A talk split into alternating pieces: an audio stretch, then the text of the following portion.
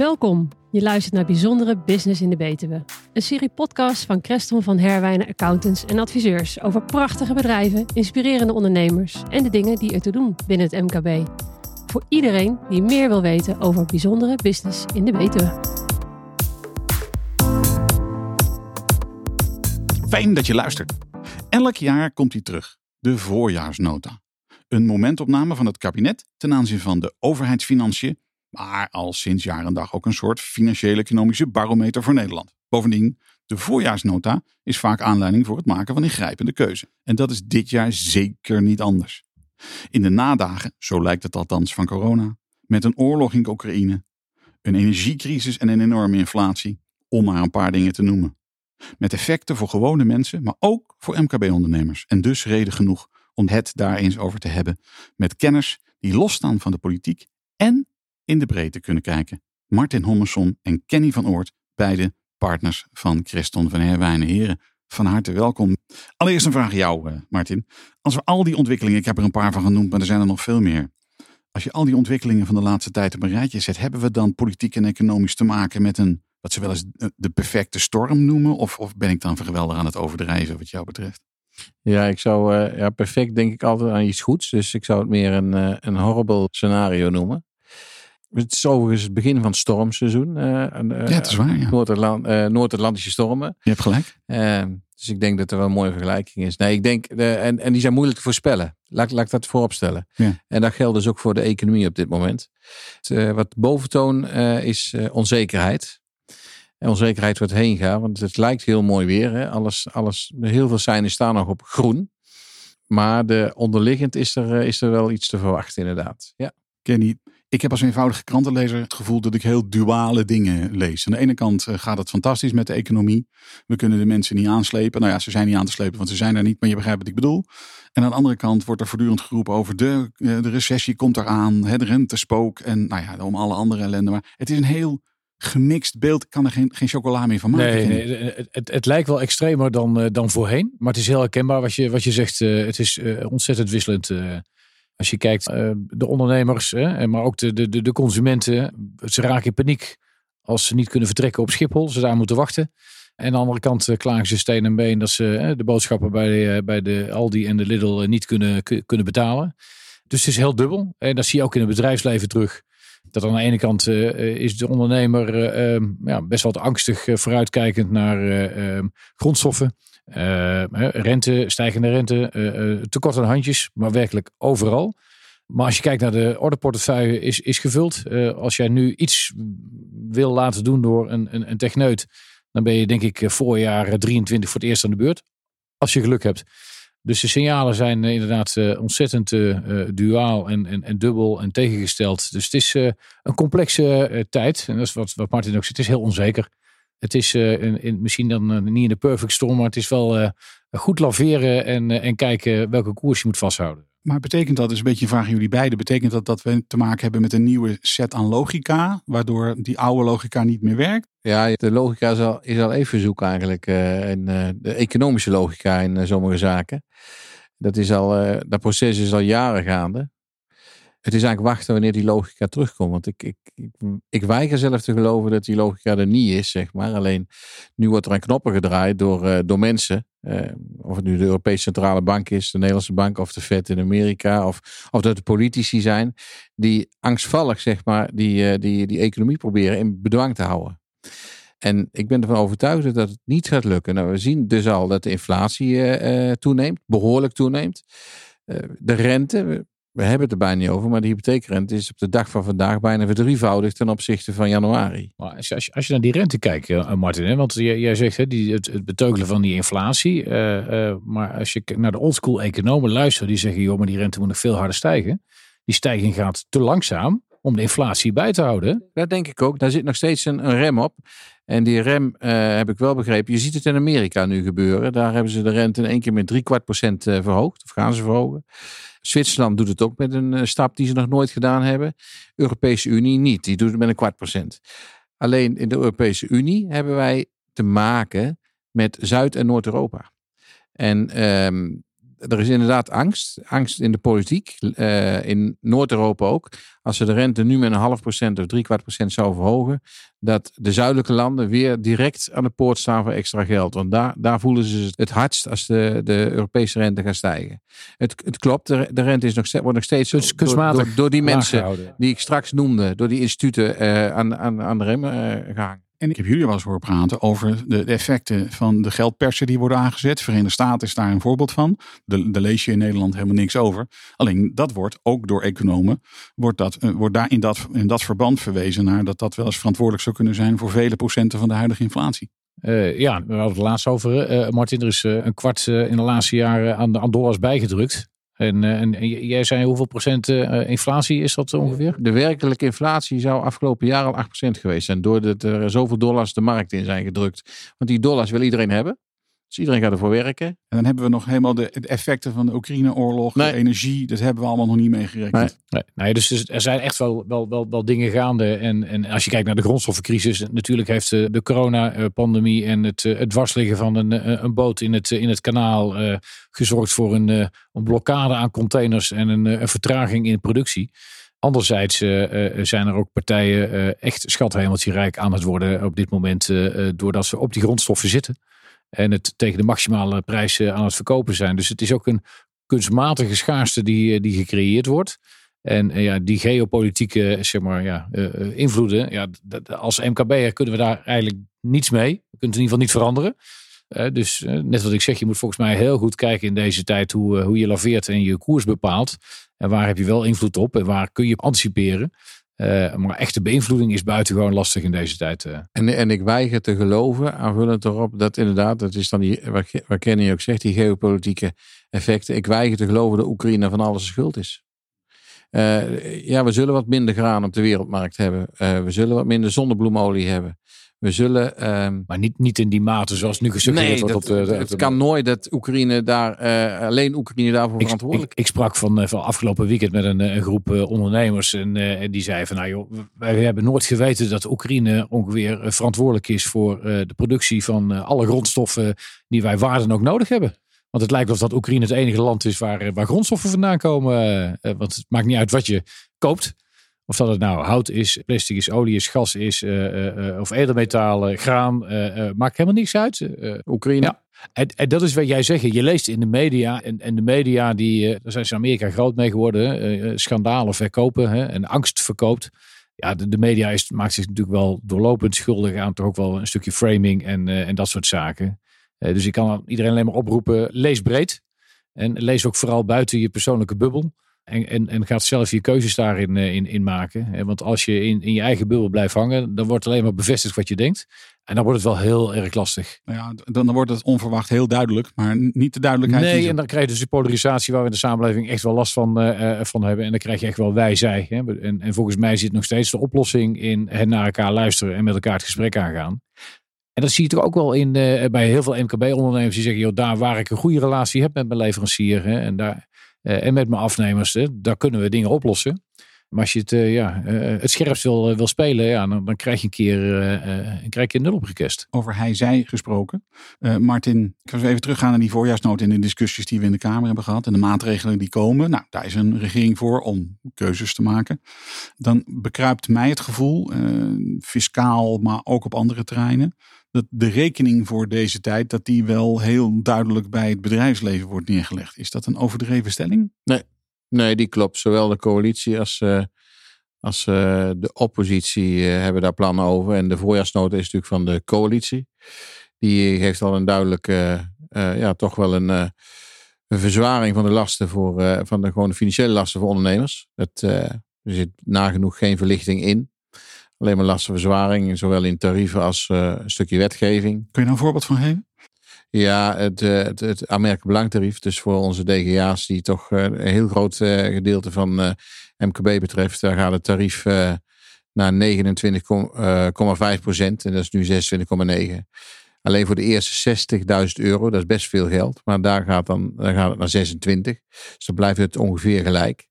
Maar dat betekent dus dat bij bijvoorbeeld bij verkoop van de onderneming, en er zit waarde in, dat die afrekening in één keer 2,5% hoger wordt als het hier was. Van de een op de andere dag. Hè? En dat is een beetje yo-yo-beleid. De, de, de, de, de, de vennootschapsbelasting, de eerste schijf, die loopt nu tot uh, afgerond 400.000 euro. En die gaat weer terug naar 200.000 euro, net als twee jaar geleden. Dus dat, uh, er zitten er wat verzwaringen in. Maar dat, dat, dat raakt echt een heel groot deel van het, uh, van het MKB-segment. en en, en die, met harde euro's. Ja, ja, ja dit raakt dit, zeker die, die VPB. Daar kun je ook niet in, daar heb je geen geen mogelijkheden om daar flexibel in te plannen. Dat is, je maakt winst of je maakt ja. geen winst. Dus die, en, en, die drempel is hard. Bij de, bij, de, bij de inkomstenbelasting kun je nog zeggen, ze hebben die, die, die, die grens van 60.000 euro gekozen. Omdat ze zeggen van ja goed, ergens uh, uh, om, als, als jouw bedrijf ook jouw inkomen is, zou de last niet uh, hoger mogen zijn dan je ook loon verdient. Dus hebben ze gezegd, eerst 60.000 belasten we gewoon tegen 26%. Maar daarboven wordt het 29,5 zeg maar. Dat, dat is, de, dat is de, de reden erachter. We hebben dat nog nooit gehad in Nederland. We hebben altijd een uniform tarief gehad in box 2. Altijd, zolang ik weet. Heel vroeger was het zelfs andersom. Dan je de inkomsten uit vermogen. Maar dan praat ik over voor 1990. Die werden progressief belast. En die uh, Amerika Belangwinst destijds tegen 20%. Maar uh, uh, sindsdien is het er altijd één tarief geweest. En dan gaan ze nu uit elkaar trekken. Maar het is een regelrechte verhoging van uh, tarieven. is dat een harmonisatie met, met de Europese richtlijn, Martin? Of is dat echt uit de koker van in dit geval het kabinet zelf? Er is voor de vennootschapsbelasting geen Europese richtlijn. Er is een ze proberen nu met een OESO-richtlijn, ze proberen met die ja, OESO-richtlijn uh, wereldwijd uh, minimale vennootschapsbelasting 15%.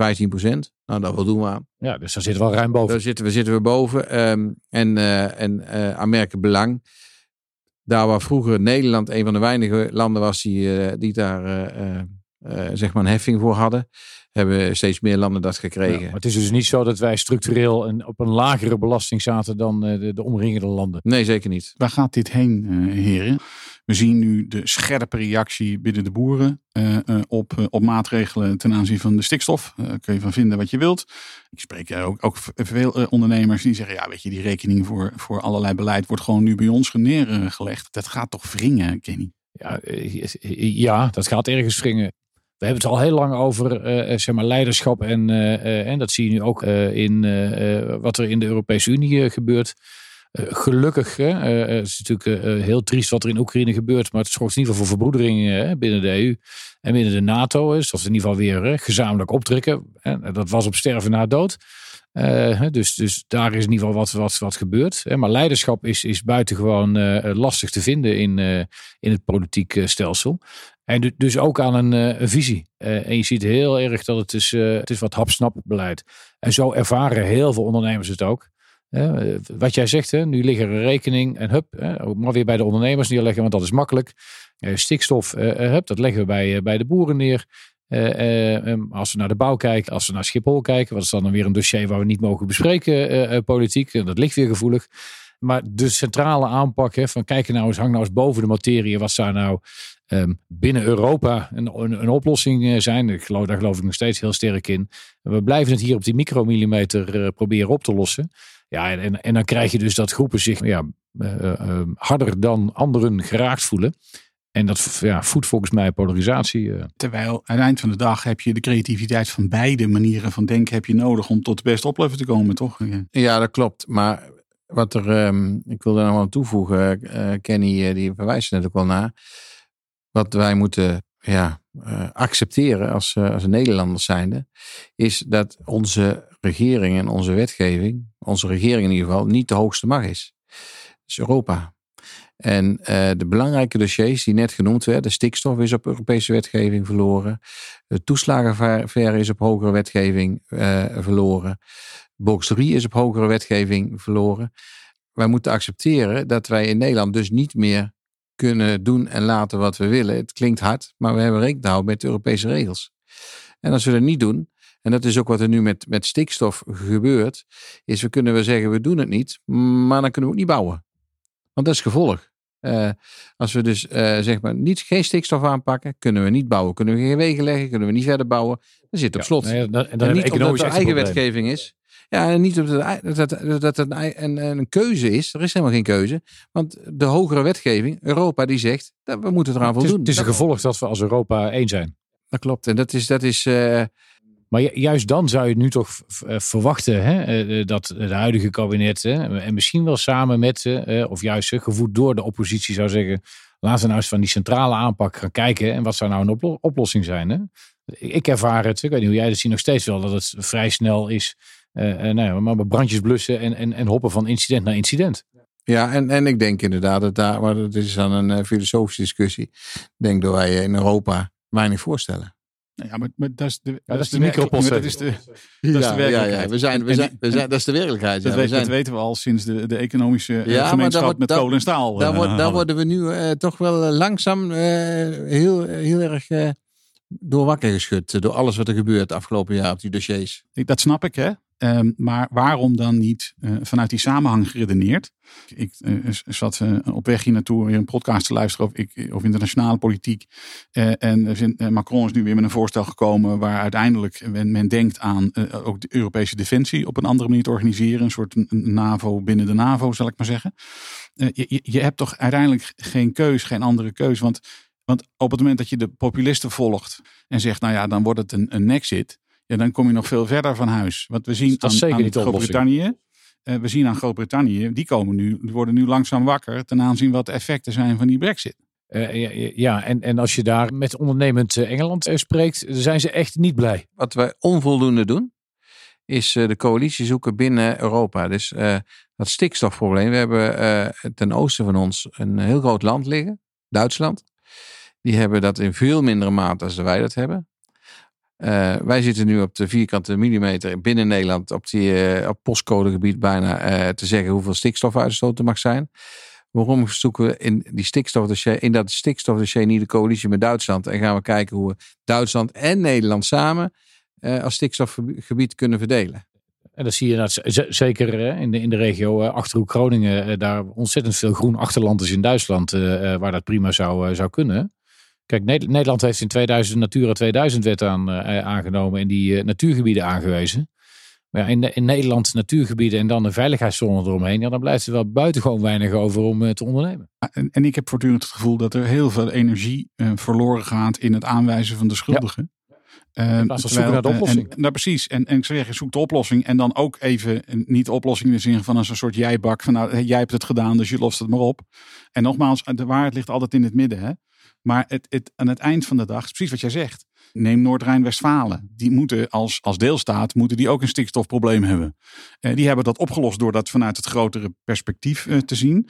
Eh, en, en dat kunnen wij aan het eind van de dag ook. Want stikstof heeft één groot voordeel. Stop niet de Grenzen, die, die, het stikstof heeft het is geen vrij paspoort. vluchtig. Dus het is, ja, weet je, het, het is, waarom zou je dat niet doen? En, en dan denk ik, wij, wij verliezen ons enorm in de discussie. En dat wordt dan voor je het weet, hè, wordt dat niet meer een stikstofdiscussie, maar is het een, is het een rechtelijke en precieze discussie? Of is het een politieke discussie in de zin van, ja, maar we je bent er moeten... heel snel voor of tegen een deel van de bevolking. Dat is het punt. En Europa, en, en nogmaals, bureaucratie, je kunt daar heel kritisch over zijn, maar je moet ook kritisch zijn daarop. Dat is het punt ook niet. Maar aan het eind van de dag is het punt wat jij maakt, Martin, is, ja, weet je, we hebben hier 17,6 miljoen eh, inwoners op een heel klein lapje grond. Eh, als ik met Amerikanen praat, dan zeg ik ja, het is ongeveer de grootte van een postzegel. En dan, dan moet je heel veel, heel veel dotjes op zetten. Het is een soort chip. En dan eh, met heel veel van die Het dotjes aantal erop. inwoners is eh, ongeveer net zoveel als een echte grote stad. Hè?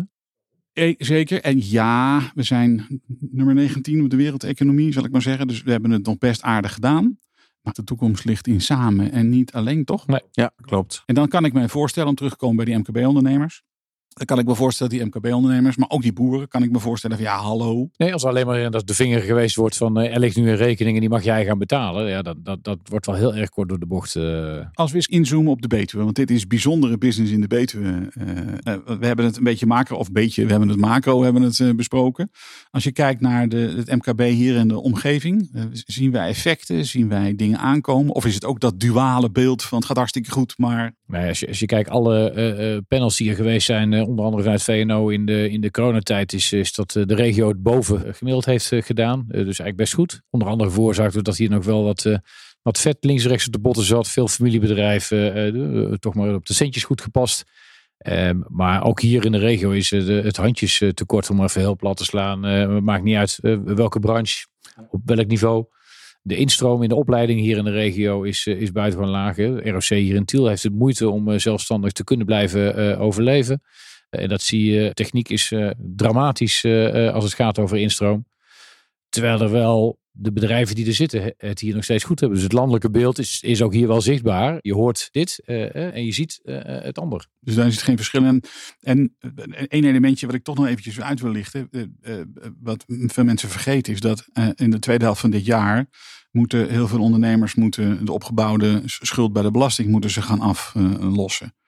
Uh, sterker nog, ik las laatst in het Financieel Dagblad dat uh, bijna 75% van alle bedrijven die, uh, die ondersteuning, loonondersteuning hebben gekregen, deels of dat ook moeten terugbetalen. Ja. ja, grotendeels terug moeten betalen. Gaat, gaat dat nog een, een, een heel zwart konijn uit de hoed worden, denk je? Nou ja, of het konijn uit de hoed wordt, dat mag je zelf beoordelen. heel veel mensen hebben ervoor gewaarschuwd of het dan nog een konijn is. dan is het geen konijn meer. Nee, nee, nee. daar, gaat, daar gaat, maar laat ik zo zeggen, in, in de grootste gemene deler is wel dat daar nog behoorlijke bedragen afgeboekt zullen gaan worden door, uh, door de fiscus. En dat zal niet gewenst zijn, ook niet bij de fiscus. Uh, ook niet bij mede-ondernemers. Alleen uh, wij zien zelf, we hebben zelf in onze portefeuille zelfs ook een bedrijf. Waarvan inderdaad de schuld zodanig hoog is. En met de huidige winsten die gemaakt worden. Ja, dan heeft hij een, een terugbetaalingstermijn van, van 160 maanden nodig. Misschien dat hij er dan uitkomt. Maar ja, dan, dan, is, dan rest alleen maar te kijken, zijn er andere oplossingen? En daar, dat zul je komende tijd gaan zien.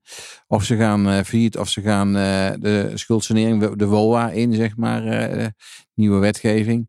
Ehm, waardoor een, toch een deel van die schulden gewoon nooit geïnd zal gaan worden door de over, Rijksoverheid. Ja, nou ja, dus ik, ik, ja, ik sluit me aan. En wij hebben het er ook, ook uh, recent ook uh, nog binnen de directie over gehad. En wij gaan dus met name ook kijken naar die ondernemers uh, om bij te staan in, in zo'n WOA-traject. Dat als je inderdaad kritisch kijkt naar de omvang van je schuld en de, en de, de, de verwachte cashflow voor de komende jaren. Ja, moet je dan nog wel door? Of is dan nu het moment om, uh, uh, om de stekker eruit te trekken? Uh, en dat is nooit leuk. Maar doorgaan en dan heel veel andere mede-ondernemers ook zeg maar mee omtrekken. of nu dan een rekening maar bij de overheid neerleggen. die discussie zal zeker gaan, gaan, spelen. En nou, wij hebben in ieder geval een aantal mensen intern ook opgeleid om te, de know-how over de WOHA, hoe ga je dat traject aanvliegen. Uh, maar vooral ook primair hè, het gesprek met die ondernemer te voeren. Uh, het is wel weer een keuzemoment. Het is weer zo'n keuzemoment uh, in het leven van een ondernemer waar je zegt van joh, ga ik linksaf, ga ik rechtsaf of, of stop ik?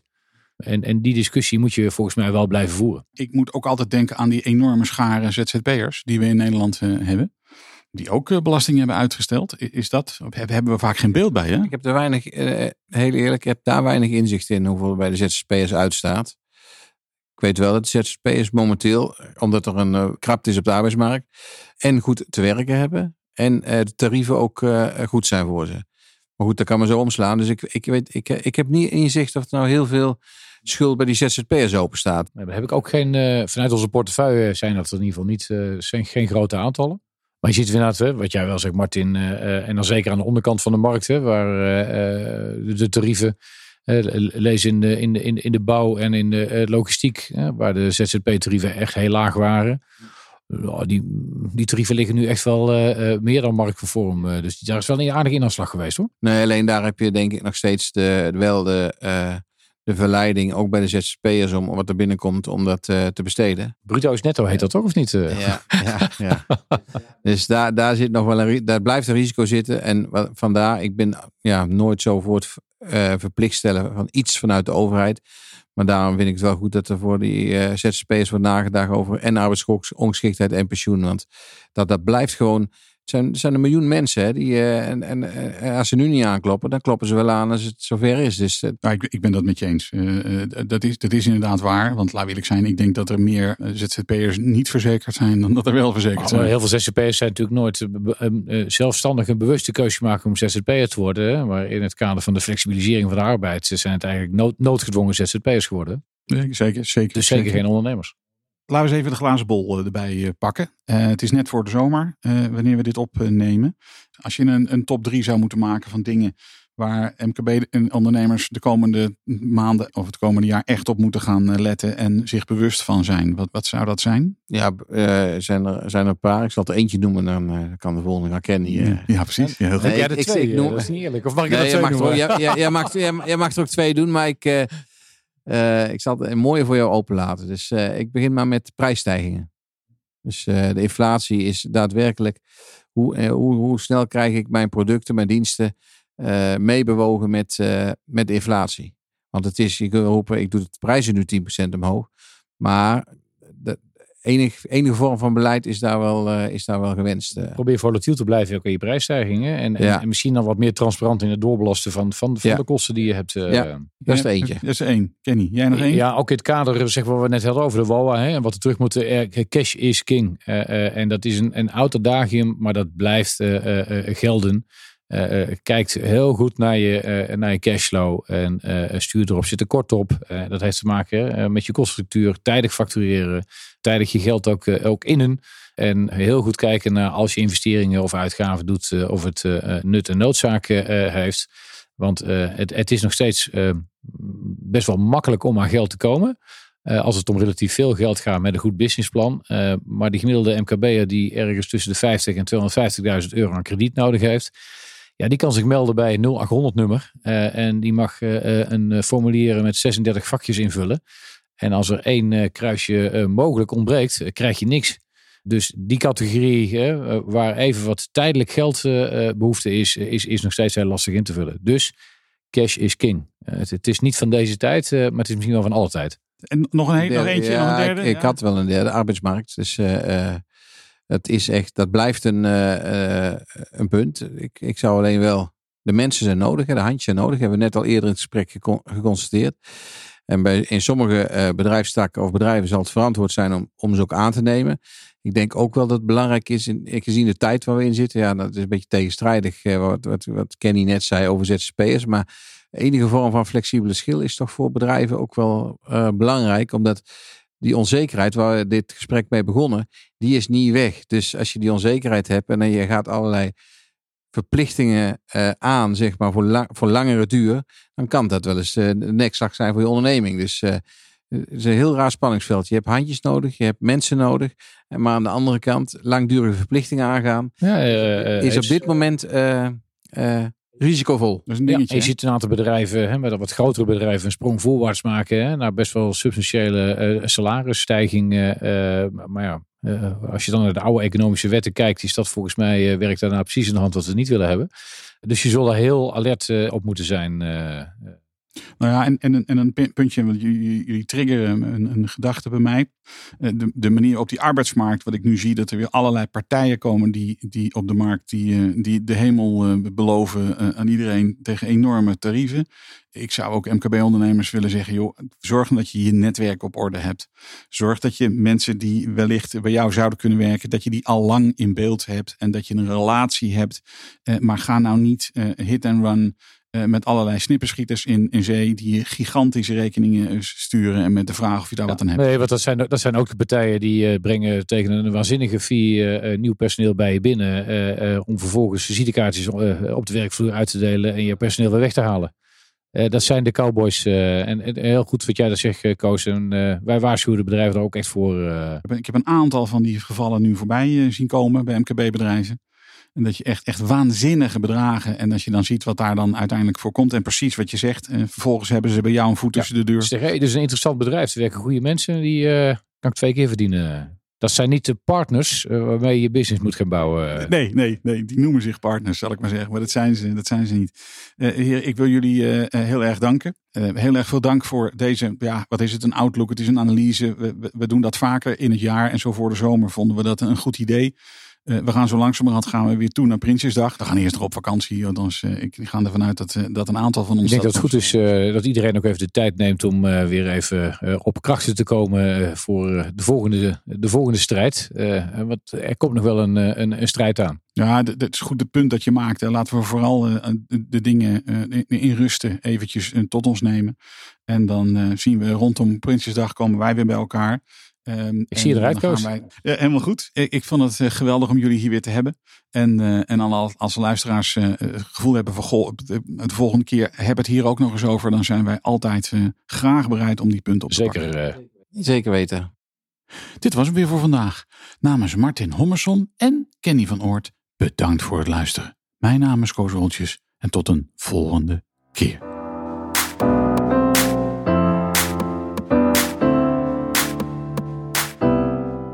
Dit was weer Bijzondere Business in de Betuwe. De podcast van Creston van Herwijnen Adviseurs en Accountants. Wil je de hele serie beluisteren? Kijk op de website van Creston van Herwijnen of beluister ons via Spotify, Apple Podcast of Google Podcast. Over drie weken is er weer een nieuwe aflevering. Tot dan!